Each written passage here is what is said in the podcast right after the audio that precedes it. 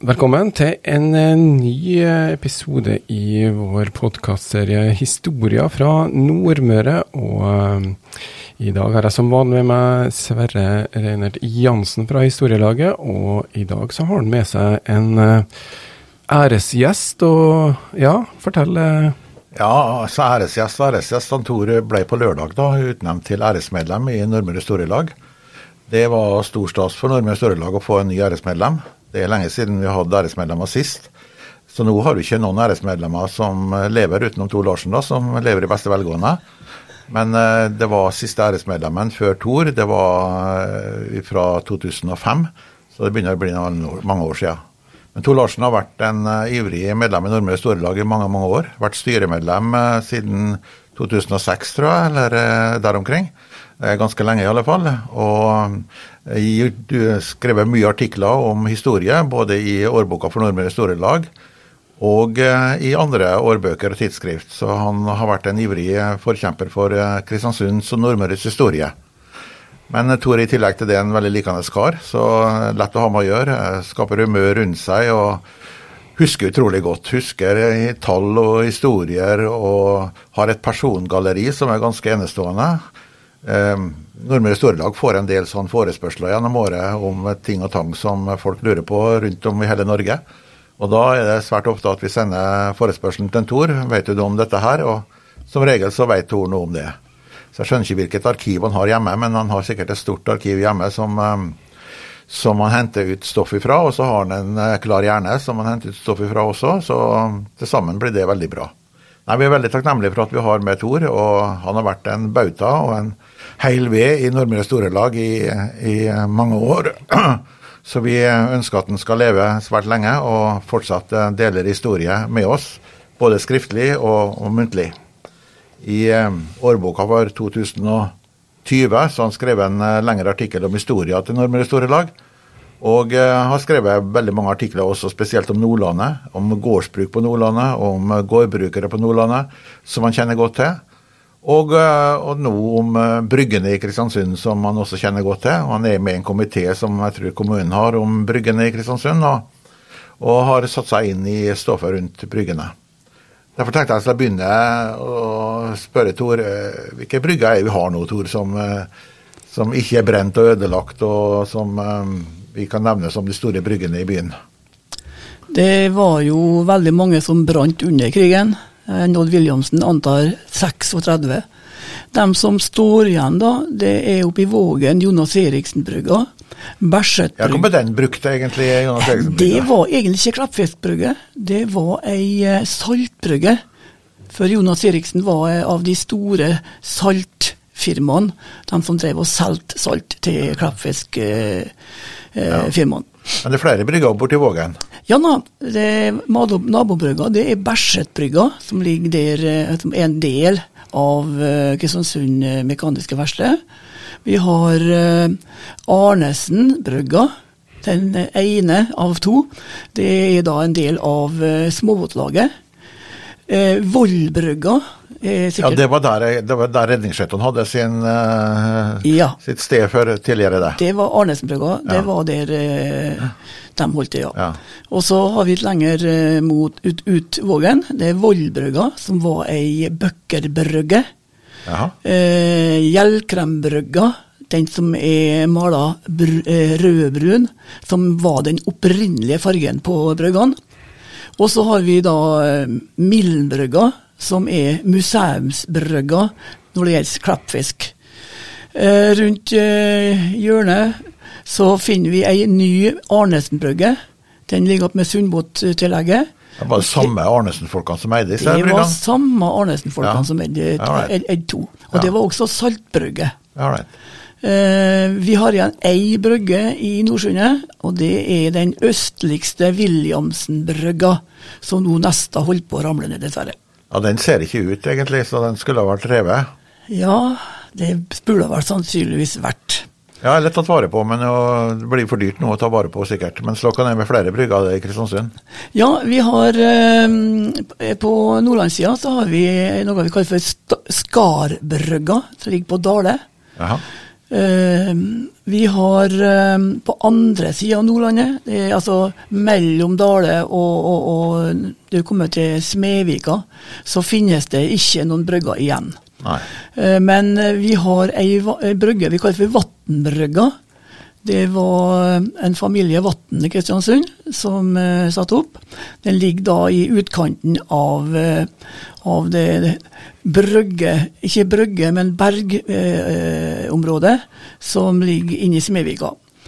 vi har også ei brygge litt lenger inn, nedenfor Julenga, som vi kaller for Julbrygga.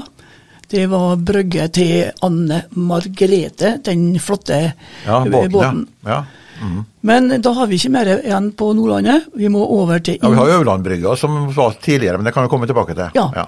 Men vi har ei Øverlandbrygge som ligger i, Su i Sursvika.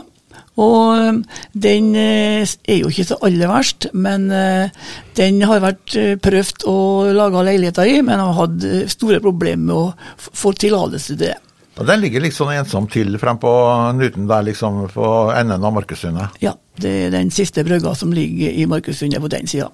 Og så har vi to riktig gamle brygger, Leslie-bryggene, som ligger litt lenger eh, mot havna. Og en av dem, eh, bryggene, er vel Ole Tønder som jeg, tror jeg. Og så er vi borte på Lofotkompaniet. Da er vi på andre enden av eh, Markussundet. Og det hører da til til Lossius-familien. Og så har vi ei flott brygge som ligger med Sundbåten. Kjønnebrygga. Som egentlig er ei brygge som jeg ikke vet så veldig mye om. Men, uh, Men der har jeg vært på et arrangement en gang. Det var ganske sånn fint festarrangement. Ja, sånn fint feststed der. Uh, Kjønnefamilien har virkelig laga til og tatt vare på den brygga. Det er til etterfølgelse. Og så har vi på andre sida av Sundbotn ei brygge som slettes ikke er tatt godt vare på, og som har det klingende navnet Tahiti-brygga. Det var også ei brygge som Jonas Eriksen hadde som saltbrygge i si tid. Men Tollboden, er det brygge, eller? Ja, den hoppa jeg faktisk over, ja. Og Tollboden er spesiell brygge. Eh, en av de gamleste vi har i byen. Og den eh, delen som ligger mot Sundbotn, det er selve brygga, mens eh, på land, så ligger det i andre enden, så ligger faktisk talt en bolig, uh, boligdel. Så det er ei brygge som er delt i en bryggedel og en boligdel. Og det var mange sånne brygger i gammeldagene i Kristiansund. Banken har, Sparebanken Nordmøre har satt i stand den tollboden til ganske fint lokale. altså Jeg har vært her og sett. Er, den er tatt forferdelig godt vare på. Det har vært en kostbar fornøyelse. Men eh, vi har i hvert fall et hus som vil stå i atskillig mange år, og er veldig flott eh, reparert, om man kan bruke det ordet. Men den Sundbåtallmenningen på Innlandet, der lå det en kongsgård eller kongsbrygge, eller Kristian 6. var her en tur i 1733 eller noe sånt? Det, den gikk vel under navnet Kongegården, ja. Eh, et flott navn. Og det var rett og slett et, eh, et nesten som et herskapshus. Det var på to etasjer. Veldig stort. Det lå på Sundbåtallmenningen, eh, der utearealet til Tahiti-festivalen, og mot Tahiti-brygga. Og i første etasjen brygge, andre etasjen en stor leilighet. Og det var i den leiligheten han Kristian 6. fikk lov til å komme i, 19, i 1733. Og det var etter det besøket det ble eh, Kongegården som et klengenavn. Det var Jakob Nissen som eide den, og han var sønnen til en Markus Nissen, som har fått, navnet sitt eh, Markus Sunde. Ja. For de holdt til da i den delen av eh, Markus Sunde. Men der Sundbåtallmenningen på Innlandet, det var jo mye mer vann der før enn det er nå, er det ikke det? Er det ikke demma opp litt der nå? Litt, grann, men ikke så forferdelig mye. Men uh, allmenningene, det ble jo laga kaier. Og det må vel sies at da bredde det seg litt lenger utover. Men eh, ikke så veldig mye. Det var på land, egentlig, det. Ja. det de to bryggene jeg ikke har tatt med, som jeg, eh, som jeg avslutter med, det er da eh, Virumbrygga ei bøkkerbrygge fra 1888, tror jeg det var. Og det var altså eh, eh Virum-familien på Innlandet som satte opp. I dag er det et, et kunstgalleri, egentlig Øverlandgalleriet. Og den aller siste brygga som er igjen mer eller mindre i dag, det er Gundersen-brygga. eh, mer kjent som Thon hotell i dag. Og det var, eh, det var ei brygge som var i veldig bra stand, som da ble omgjort til hotell, og vi fikk brukt brygga på en veldig fornuftig måte. Ja, Det er jo den måten man tar vare på bryggene på, å bruke dem. fordi at hvis de står liksom ubrukt, så forfaller de ganske fort. Ja, det er det som er problemet. At blir de stående uh, uten bruk, så forfaller det veldig fort. Skal ikke så mye til. Men det som vi uh, i Kristiansund kaller fengselet, det sier du også er ei brygge, egentlig? Ja, det er mange som uh, lurer og syns stusser når jeg sier at fengselet, det er egentlig ei brygge. Og hvis du har sett gamle bilder av Hønebukta, så lå den fengselet helt nedi sjøen. Og du kunne på den enden, eh, som ligger da mot vest, da kunne du faktisk med, kjøre med båter helt inntil eh, den brygga. Men den har jo hatt lang, eh, et langt liv. Eh, sannsynligvis bygd i, helt i slutten av 1600-tallet, eventuelt i begynnelsen av 1700-tallet, og er jo ei veldig lita brygge. Men nå er vi på to etasjer, eh, og, og, brukt til veldig mange rare ting. Bøkkerverksted er vel noe av det som har vært brukt da på 1900-tallet. Og det er ei tre eh, med ganske eh, tjukke vegger. Bryggene, er det en, er det en oppfinnelse av kristiansundere, eller var det utlendinger som begynte med å bygge brygger og sånn? Nei, brygga det er noe som eh, vi har bygd langs kysten i flere hundre år. Og det var egentlig en, en, lagerbygning, kan du si. Kanskje også en plass hvor du laga ting.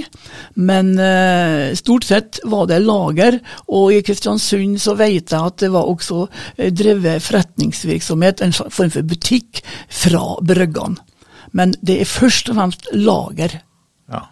Men det kom en del skotter og sånn eh, til Kristiansund etter hvert, som eh, benytta seg av å bygge brygger og, og benytta seg av bryggene?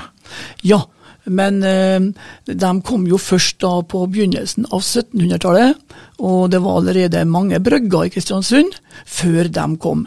Men når de skulle bygge Kleppfiskbrygga, så var det snakk om litt større brygger. Fra to til tre etasjer. Og på slutten av 1800-tallet så fikk vi flere fireetasjesbrygger. Og når du bikka over eh, begynnelsen av 1900-tallet, så var det en par brygger som var opptil en fem, seks, sju etasjer. Eh, eller seks etasjer er vel rett, da. Men eh, det, det, var ikke så veldig mange sånne. Ja, William Gordon han bygde jo den her eh, brygga han, eh, som kalles Minbrygga. Um, og så var det en Leslie bygde jo disse bryggene på Innlandet som står fortsatt. Så det var jo en del utlendinger som var her og bygde brygger en gang hvor det var mye trafikk sikkert med klippfisk og tørrfisk. Ja, det var jo eh, på 1800-tallet, kan du si. Så var jo mer eller mindre eh, de fleste bryggene bygd opp av klappfiskfirmaene. Og det var veldig mange utlendinger, både skotter, men også da eh, folk som kom fra Danmark, Tyskland. Knutson bl.a. kom jo fra det området. Og de bygde jo store brygger. For eh, det var, det var her de lagra eh, eh, den tørre tørska klappfisken. Bergene lå gjerne ute på øyene, men vi fikk jo etter hvert store bergområder, både på Nordlandet og på Dale men også på Gommalandet, rundt Milenbrygga og i, langs Nordsundskanten var det en del bergområder. Men det var på Nordlandet, Dale, Draget, kjempestore berg, Amundbergene. Og så har vi hele da fra Eriksnesset, fra Markussundet, og helt inn i til og med Vikan. Ja, En skulle ikke tro det nå. Det er jo bebygd alt det her området omtrent. Det er ikke så mye som eh, kan være klippfisk på nå, altså, men den gangen så var det jo sikkert sånn. Nei, i dag så er det bergene ved sida av Mildenbrygga. Ja, der er det litt friområde ennå. Ja, det har du, og så har du litt på, på Nordlandet. Eh, men det er heller ikke mye. Så ellers så er det jo slutt med Klappfiskberg, men eh, på slutt slutten av klappfiskperioden i Kristiansund, så var det jo faktisk ikke tørking av klappfisk ut, men det var innetørking med elektriske tørkevifter.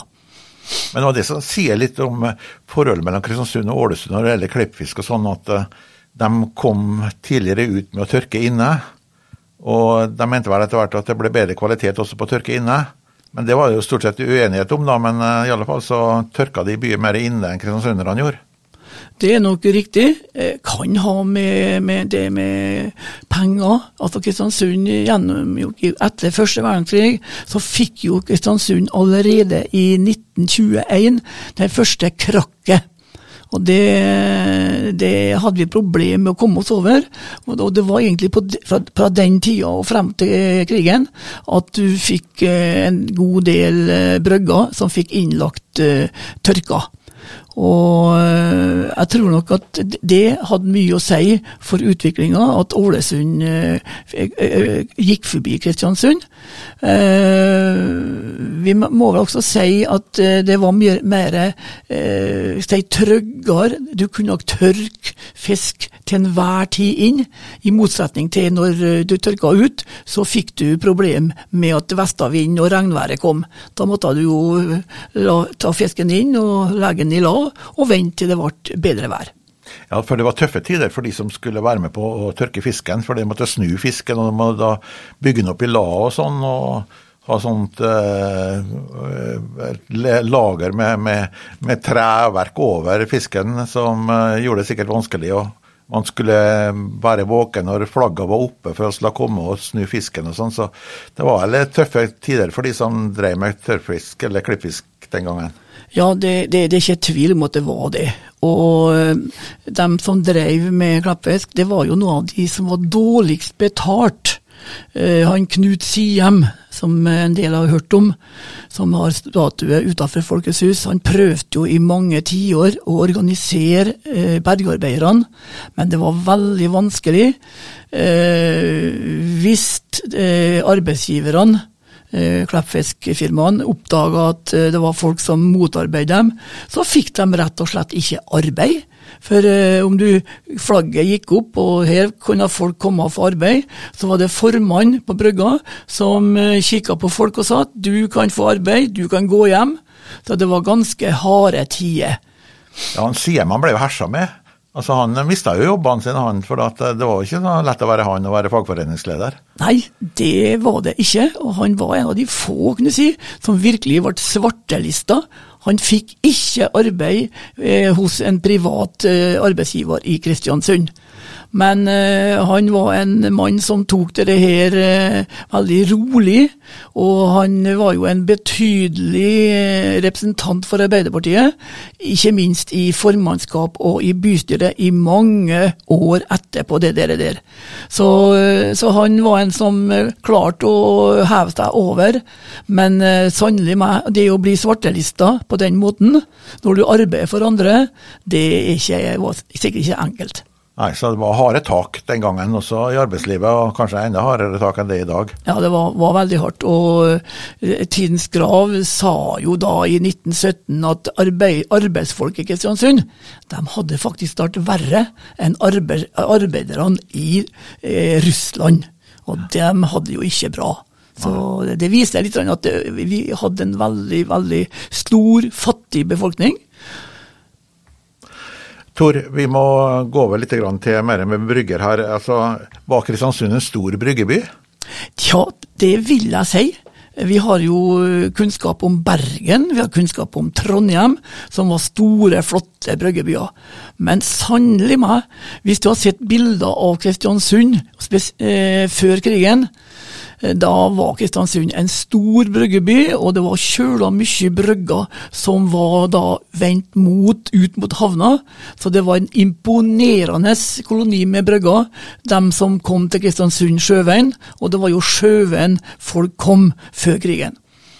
Ja, så eh, du sier at eh, kanskje at den var den tredje største bryggebyen i, i, Norge. og Det sier jo litt om det var en svær egentlig sjøfartsby også, da, for det var jo mye båter som for her. Og vi bygde mye båter i Kristiansund i den tida der?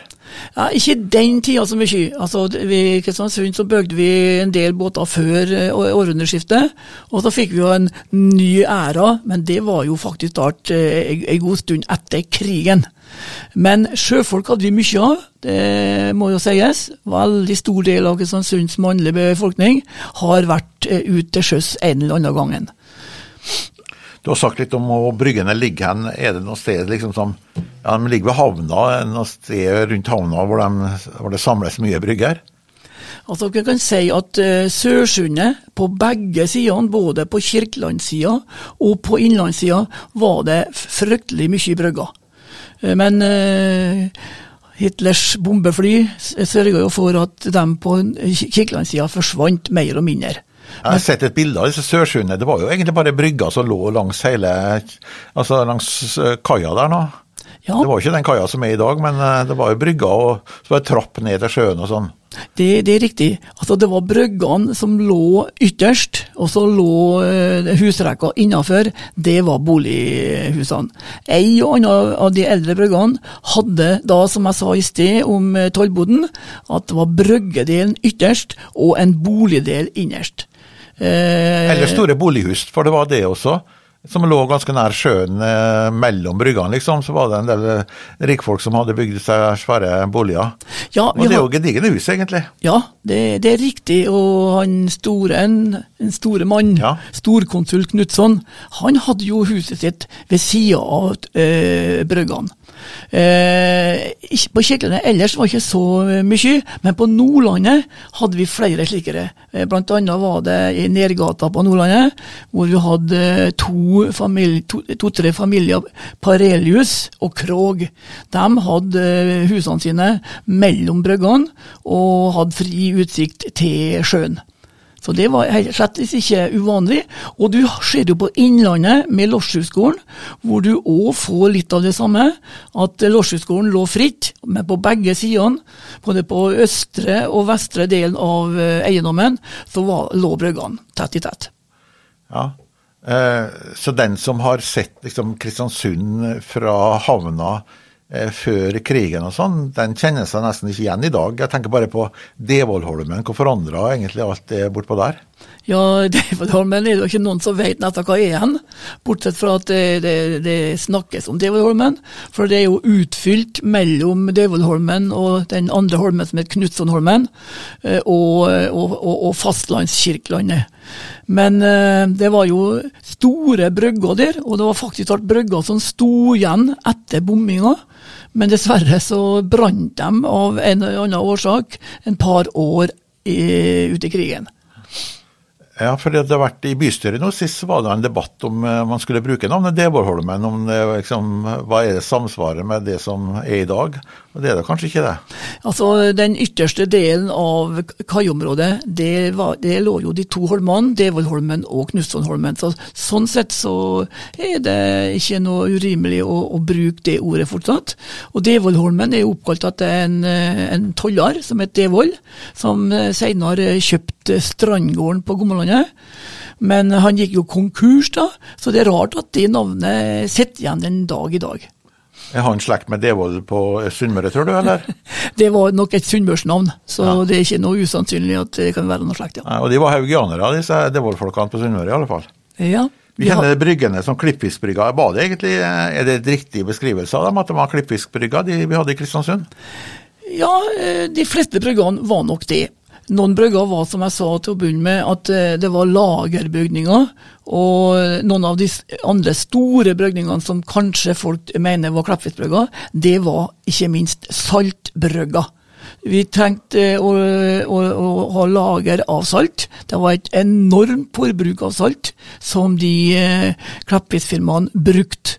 Så eh, man nevnte jo Tahiti-brygga og Jonas Eriksen-bryggene. Det er jo da typiske saltbrygger, men de er jo likedan å se på. For de skulle jo da eh, De måtte ha eh, heis, vindehus, hvor de kunne heise opp og ned osv. Måtte ligge ut mot sjøen på vanlig måte. Hva er forskjellen Tor, på saltfisk og klippfisk? Ja, saltfisk, det er når du får fisken på bryggene, så var eh, fisken allerede salta. Ja. I motsetning kan du si, til tørrfisk. Tørrfisk det er ubehandla fisk som bare henges opp i sola, for å si det på den måten. Ja. Mens eh, når, tørrfisk, når saltfisken da ble lagt på bergene og tørka, så ble den til kleppfisk. Ja. Mm. Så det var det egentlig. Men vi hadde mye tørrfisk også i Kristiansund den gangen, sikkert? Eh, tidlig så hadde vi nok en del, og vi har jo hatt faktisk start eh, tørrfisk til etter krigen. Eh, på Skorpa eh, lå det jo ei brygge, og hvis du gikk rundt den brygga, så så du eh, tørrfiskgjellene eh, stå igjen. Eh, ellers så kjenner jeg ikke til noe særlig eh, tørrfisk i Kristiansund, men går du til Averøya, så har du på Honningsøya ja, Der står de fortsatt, disse her. De står, og de ja. brukes. Ja. Det er ikke mange årene siden jeg så at det hang fisk der. Si meg en ting til. altså Det var folk som gikk og jobba på bryggene og sånn, og det var mye, mye damer tror jeg, som jobba på Filippesbryggene med å snu fisken. Men det var noen som det vrakere som gikk der. Hva var det for noen folk? Ja, vrakerne, det var dem som hadde god kunnskap om fisken. Det var først og fremst eh, kunnskap om hvordan eh, hvor tørr fisken var, og hva slags fisk det var. Og de visste da eh, tørrhetsgraden og kunne da eh, sleng, få slengt fisken i forskjellige hauger, hvor eh, enkelte land ville ha helt tørr fisk, andre land ville ha sånn fire femtedels tørr, og det hadde mye med, også med prisen å gjøre. Du har Milbrygga. Den er hvit. Var de vanligvis hvit, bryggene i Kristiansund? Det er nok noe som folk i Kristiansund tror. Men eh, hvis du har lest litt om eh, Kleppfiskbrøggene, så vil du komme frem til at eh, de var nok ikke det, nei. Eh, vi har en det såkalte Hjelkrembrygga på Gommalandet, som er sånn rødbrun. Ja, og det er vel den fargen som var på bryggene eh, rundt 1850 ja, 1850-tallet. Det var en storkonsul Knutson som begynte å farge, eller male bryggene sine hvite. Og det kunne han, han, gjøre, for han var jo den rikeste av de eh, kleppfiskfirmaene. Og det tok en del, par tiår, før de andre kleppfiskfirmaene kom etter. Så sier du at altså, hvitfargen den var dyrest, den da? Ja, det var den. Jeg trodde kanskje det var omvendt, men eh, det er nok en kjensgjerning at hvitmalinga var dyrere enn den rødbrune. Det er derfor lovene rundt omkring er røde, altså? Ja, det er mange, derfor det er folk som sier det. Jeg, jeg vil ikke være for sikker på det, men eh, det sies det, ja. ja. Ja, du kan uh, få deg rødfarge rimelig på Felleskjøpet. Iallfall så gjorde du det før, men uh, det er kanskje ikke der de handler. Vi skal ta en liten pause vi, før vi snart er tilbake. Du uh, hører på da historiepodkast her på KSU247, og med oss i dag har vi som vanlig Sverre Reinert Jansen fra Historielaget, og en nylig nyslått æresmedlem i Historielaget. Tor Larsen er også med og forteller litt om Brøggan i Kristiansund. Ja, det er svært at vi har med Tor Larsen, som er æresmedlem i Storelaget. Det kommer vi til å bruke, Tor. På deg støtt at du er æresmedlem i Storelaget, for det er ikke noen andre enn du som lever som æresmedlem i Storelaget. Så det er en um, stor tittel å ha. Men vi snakka om bryggene. Nå starta vi med brygger i Kristiansund. Når uh, var det aktuelt å begynne å brygge brygger? Ehm, det var ikke noe, noe årstall å snakke om, men eh, på 1600-tallet så kom eh, det opp små brygger på én-to etasjer. Var ikke så veldig mye større enn et, et stort naust den gangen. Og det var gjerne kanskje bare ett eller to rom i den brygga. Og som jeg nevnte tidlig, det var gjerne lagerrom som var snakk om å ha brygga på. Det var tømmerkasser Eh, det er først på slutten av eh, Eller midt på 1800-tallet at du begynte å brygge, brygge vanlige eh, fjølbrygger, for å si det på den måten. Har, har det noe med, med drifta inn på Nordmøre, dette med å ta ned tømmer og sånn, og frakte det utenbys. Og det var jo mye tømmertransport her omkring på 1700-tallet. Hadde det noe med det å gjøre, tror du? At det var mye ved eller mye tømmer å hente? Det kunne det ha. Det var jo den måten de bygde på. Det var det kanskje det, var det viktigste.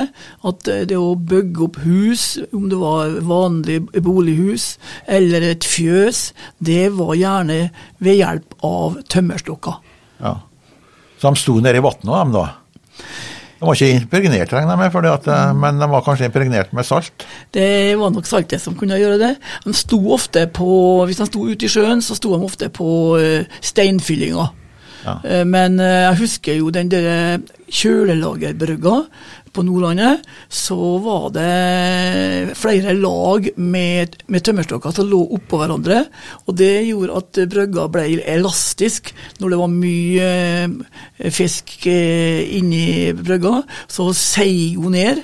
Og det hendte seg det at det var enkelte dører som var vanskelig å få opp når det, når det var slik.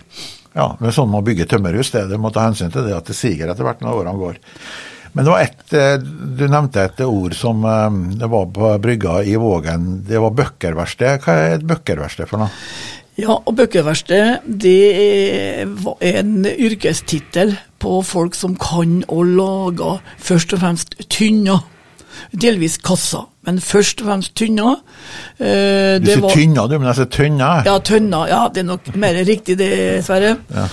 Eh, det var jo mye, mye behov for tønner i forbindelse med salting av fisk eh, Unnskyld, salting av sild.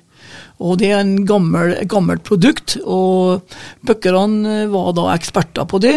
Og eh, langt opp i 1900-tallet så var bøkkervirksomheten i Kristiansund veldig stor. Vi hadde faktisk vært landets største antall med bøkkere eh, rundt århundreskiftet. Ellers så var det Haugesund som var den store bøkkerbyen. Ja, Men Sverre Svendsen har tatt vare på, eller Nordmøre museum har tatt vare på et bøkkeverksted i Vollbrygga. Er det intakt, tror du? Det er det. Ærlig talt. Eh, folk er ikke klar over det. Eh, at vi har et komplett bøkkerverksted i Vollbrygga. Så eh, det, det skulle det, vært opplyst mer og tatt med skoleungdom og sånn, og visst hvordan man laga ei, ei tønne. For det er ikke alle som vet hvordan det ble til. Nei, det tror jeg ikke. Det er spesialmaskiner, det er ikke det? Det er det. Og Sverre Svendsen var jo faktisk utlært bøkker. Eh, så han var i stand til å, til å, vise folk det.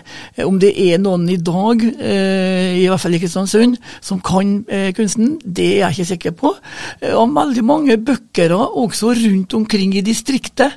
Jeg har sikkert hørt om bøkkeverksted både inne i Flemma og inne i Todalen i, i, i Stangvika, inne i Valsefjord. Så det var mange som, som drev og laga det, og så frakta de tynnene til byen og solgte til dem som drev med det. Og mange tror at dem som drev med klappfisk, de drev bare med klappfisk. Men eh, en av de største produsentene av klappfisk, Rasmus Brochmann Parelius på Nordlandet, han hadde et klengenavn, og klengenavnet var Silde-Rasmus. Så det betyr at uh, han drev da i den tida hvor det ikke var uh, klappfisk å arbeide med, eller fisk å arbeide med til å, å tørke til klappfisk, så drev han altså med salting av sild. Ja. Men han kunne ha, ha, hatt et bøkkeverksted sikkert, som han eh, laga tenner mm. Det kunne han hatt, og det tror jeg nok kanskje de kunne ha bøkkere ansatt òg. Men eh, det var en produksjon som de eh, ikke hadde plass til. Det, det krevdes voldsomt rom med lagerplass, og du har enkelte bilder hvor du ser, at delvis tomme og delvis fulle tynner dekker hele plassen mellom bryggene og våningshuset sykehuset. Men jeg ser disse tønnene, det er jo egentlig spesielt fordi at det er litt tjukk rundt magen. sant? og så er de tynnere oppe og tynnere nede og sånn, så det er sikkert en kunst å bygge tønner altså, og skaffe materiale til det. Ja, eh, det er iallfall en kunst å bygge dem, og de måtte vel også ta litt hensyn til hva slags eh, trematerialer de egentlig brukte. Men eh, normalt sett så var det ikke noe problem å finne det her på Nordmøre. Var det store brygger som man begynte med på 1600-tallet, eller var det små brygger? Nei, det var små brygger. Det var ikke ei brygge tror jeg, som var over to etasjer. Og så kom skottene, og så bygde de litt større? Ja. Eh, det var helt eh, sikkert at eh, skottene var nok dem som gikk foran og begynte å bygge treetasjes og spesielt treetasjer. Eh, på slutten av 1700 eh, og begynnelsen av 1800 så kanskje det var noen bygger som gikk over fire etasjer. Du sier at eh, bryggene de begynte altså med skottene, da kanskje, eller utlendingene begynte å bygge i 1750-tallet. Men det var nesten 100 år før storhetstida var i Kristiansund, for det var jo mer på 1800- og 50-tallet. Men eh, de holdt på ganske lenge de da, med klippfisk og sånn, eh, før det ble liksom, slo seg helt opp. Ja, eh, når skottene kom, så var det jo lite eh, brygger til deres formål. Og, og ingen fisk ble tørka her. Førsteplassen jeg har hørt om, det skulle være på Meldalsholmen rundt 1744 rett etter at byen ble avgitt i Kjøpstad. Men eh, det var når eh, de fikk frakta inn fisken, så måtte de ha en plass å oppbevare den. Eh, vrakinga foregikk ofte på bryggene i byen, slik at de eh, fikk eh, riktig slag fisk eh, til de enkelte kjøperne som skulle skippes ut fra, fra byen. Og da på, ut på slutten av 1700-tallet så var, var bryggevirksomheten begynt å komme veldig stor, det eh, var stor bryggevirksomhet eh, den gangen. Men de eh, flotte fiskene som vrakerne liksom hadde tatt ut som premiefisk, var det utlendinger som fikk dem, så kristiansunderne måtte nøye seg med second class, eller? Det tror jeg. Bortsett fra at de som hadde penger, de kjøpte nok den beste fisken. Men jeg tror nok i Kristiansund spiste vi en del klappfisk. Kan være, jeg skal ikke si hvordan det var den tida jeg var guttunge, så hendte seg det at vi kunne kanskje ta med oss en klappfisk hjem på Bergan. Og jeg tror ikke de merka svinnet. Det er mulig at de som jobba på Bergan også lett kunne ta med seg en fisk, fisk hjem. Og det var jo et, et, et godt måltid og et uh, sunt måltid, egentlig. Ja, en fisk hjem. Det er jo ganske svære flak på disse fiskene. så Hvis du tok en stor en, så hadde du jo et måltid eller to? Det hadde vi både to og tre og fire. Men du, var alle bryggene like, eller eh, var det mye forskjell på disse bryggene? Du sier at uh, noen var, var, små, men etter hvert så ble de ganske store. og Samme fargen og Ja, men jeg vil si det slik at bryggene var samme konstruksjon kan du si. Eller si at de de gamleste hadde ikke den så avansert eh, konstruksjon og byggemåte som de siste. Eh, på begynnelsen av 1900-tallet så var det var, var brygge Det å bygge brygge det var ikke gjort bare for alle. Nei, det kan jeg skjønne, men så tenker jeg på det å gjøre om brygga nå også til å bruke dem som, til noe i dag, er vanskelig, for det er så lavt under taket. altså det var Eh, du, fikk, du, kunne ikke ha mye sånn ventilasjonsanlegg og sånn oppi taket når du skulle bygge om bryggene til bolighus, så det var kjempebra å få til det på, på Tonehotellet. Fikk gjort om ei brygge til et eh, hotellrom. Ja, det, det, har du helt rett i. Og det var nettopp det med høgda som har gjort problemet eh, litt for stort for hvordan vi kunne bruke de eldre bryggene i i den moderne tidsalder, for å se på den måten. Og eh, det er helt umulig å bruke eh, ei, ei, gammel brygge på, på, en sånn måte som vi gjør i dag med hus, med ventilasjonsanlegg f.eks. Sånn. Det er altfor lavt. Og jeg kan bare nevne at eh, jeg tror det var snakk om eh, bryggene, eh, Leslie-bryggene, at det var så lavt under taket at de kunne ikke kjøre trykka inni ja. der. Og da var det med en gang et veldig begrensa eh, bruksmåte. Ja. Du sa det var rundt 50 eh, brygger som igjen etter krigen, for det er jo veldig stor forskjell på hvordan det ser ut i dag og ser ut før krigen. da. Men hva har hendt med disse bryggene? Altså Brannen i 1940 var jo en del eh, av, av eh, årsaken til at det ble så få brygger igjen. Men er det andre ting som har skjedd med disse bryggene? Ja, eh, vi var jo uheldige med en del av de en par store brygger som eh, det var brant. Kjølelageret, Øverlandbrygga på Nordlandet, eh, Lofotkompaniet. Vi har brygger som lå på Skorpa. Eh, det var mange av dem som forsvant gjennom brann. Men de aller fleste er nok blitt revet i forbindelse med utbygging til helt andre ting. Og Da er også bergområdene sprengt vekk. Kan f.eks. skje på Nordlandet, Vikan-området og området langs med Eriksneset, med Markusfunnet. Alt er jo da delvis Eh, skutt ned eh, og planert, og bryggene forsvant på den måten.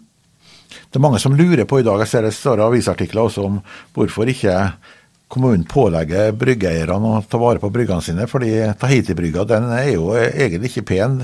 Det var jo ålreit brygge innvendig før, for det var en del arrangement og sånt som skjedde på Tahiti-brygga. Men i dag så ser det jo ut som hun er forfallen, ja. Og de der bryggene også under under Nordsjøbrua, de holder også på å ramle sammen. Ja, det er et stort problem. Eh, det er nok dem som mener at dem som har vært eiere, ikke har vært nok interessert i å få gjort noe og holdt bryggene ved like. Og det, det, med tak er veldig viktig.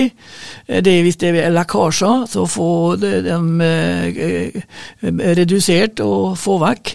Eh, og hvis det ikke gjøres det, så blir de snart falleferdig.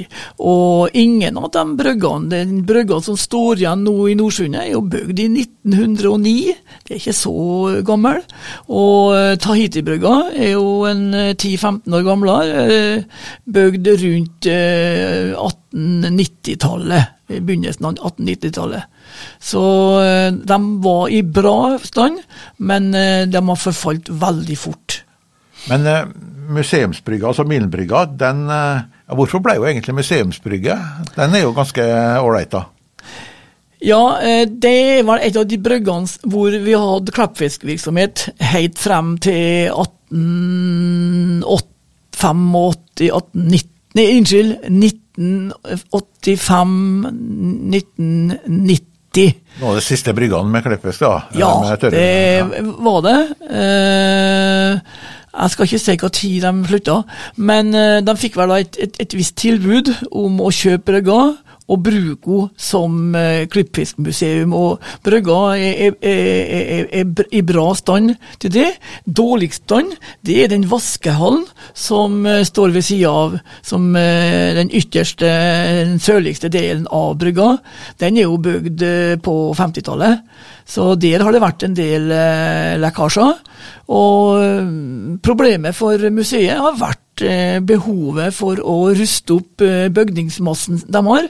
Eh, det har vært langt større behov for å ruste opp enn de har hatt folk og midler til det, dessverre.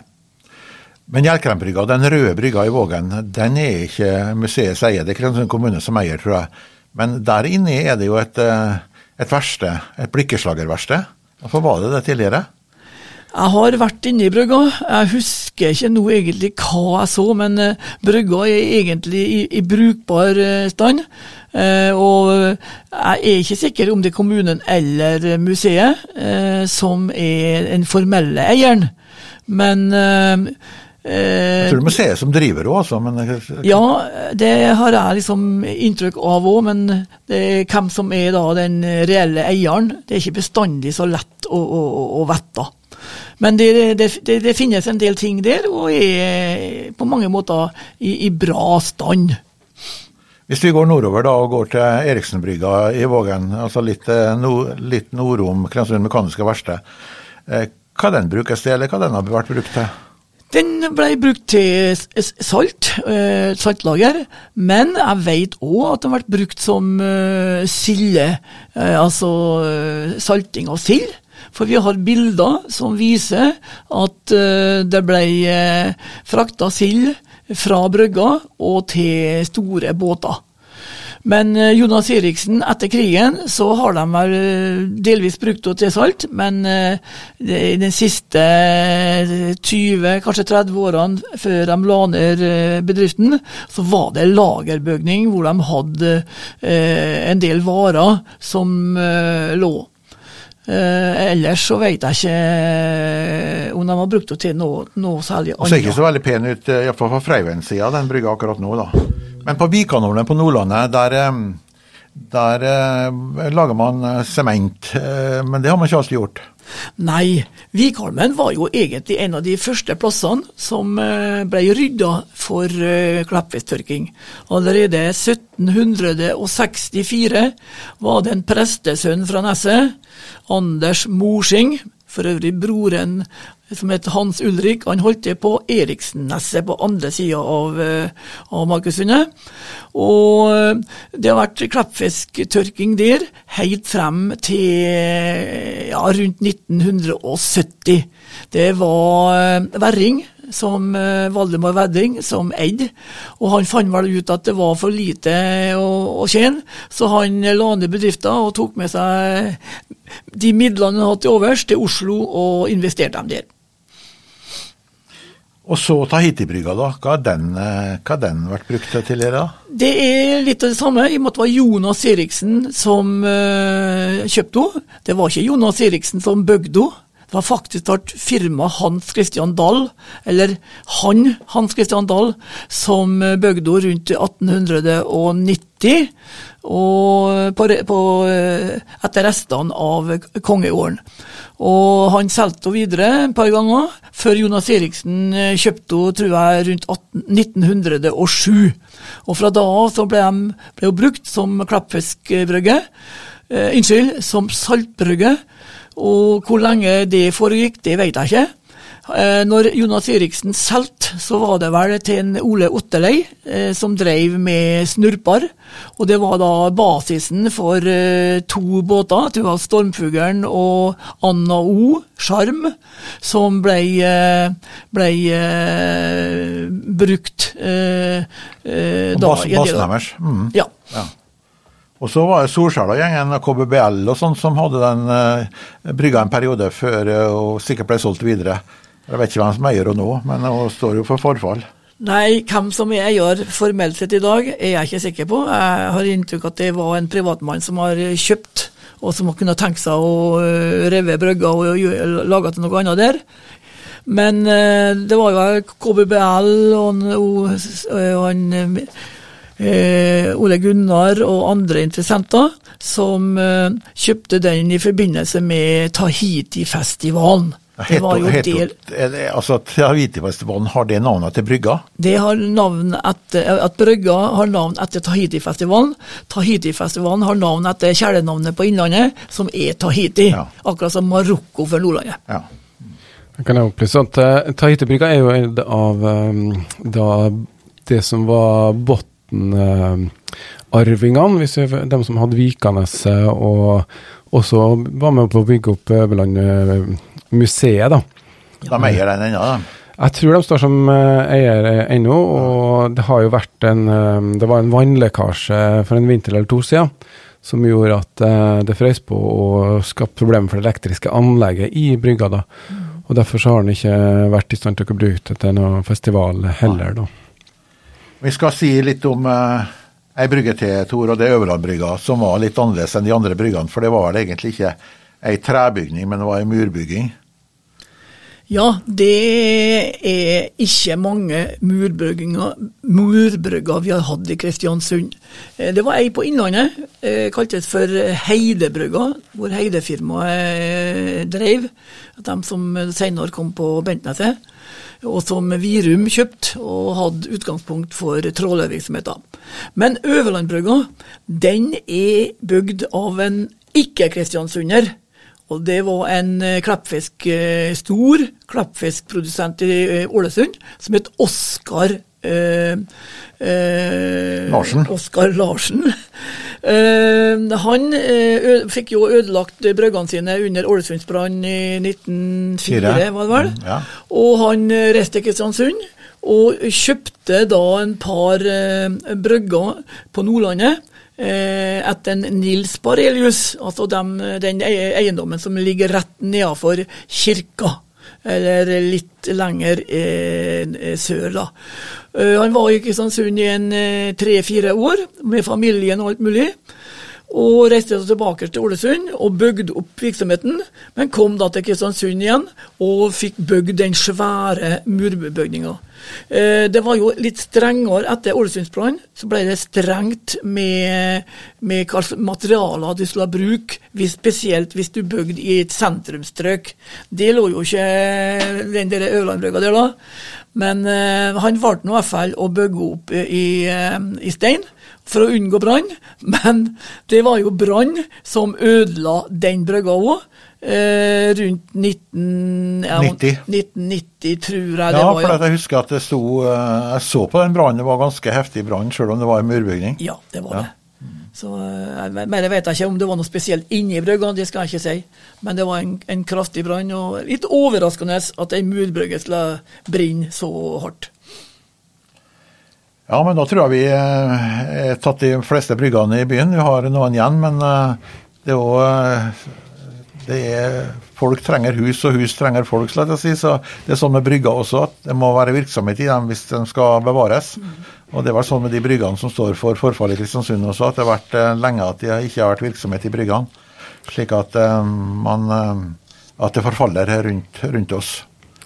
Det er jo havneområdet, eller havnefronten, har jo blitt tatt over mer og mer som boareal, og det er nok det de ønsker også for Tahiti-brygga som ble nevnt her, eh, at det skal gjøres om til den tomta ved siden av og scenen til boligkompleks. da, Så får man se hvorvidt de får lov til det også, da. Men du er med i en komité i Kristiansund kommune.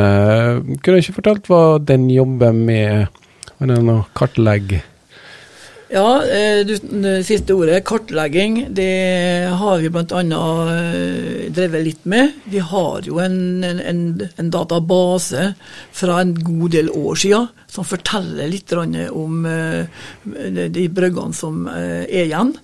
Vi prøver også å se på om, er, om vi kan antyde bruksområder og eh, jeg kan bare si at eh, vi som komité tror jeg eh, vi er enige om at Tahiti-bøga bør prøve å bevares. Det er litt av gamle Kristiansund jo. Ligger veldig strategisk til. Og er noe som turister og de som besøker byen, legger merke til. Det gjør de i dag òg, og i dag er jo det ikke noe særlig hyggelig oppmerksomhet eh, pga. at det begynner å bli en del skader. Så eh, Bryggekomiteen er opptatt av at, eh, å, å, prøve å få den brygga intakt som brygge, men gjerne brukes til noe helt annet, sjølsagt. Ja, så Det er som et grunnlag for eh, da, byens politikere å styre videre med. Det var det som må være målet med den da. Ja, det blir spennende å se hva som skjer eh, med bryggene rundt oss. Eh, de er uansett en viktig del av vår eh, historie her i Kristiansund. da. Skal si tusen takk til dere i dag, Tor Larsen da, og Sverre Reinert Jansen. Har du innspill, så er det lov å sende en mail til post at ksu247.no. Så høres vi av ved neste podkast her fra KSU247.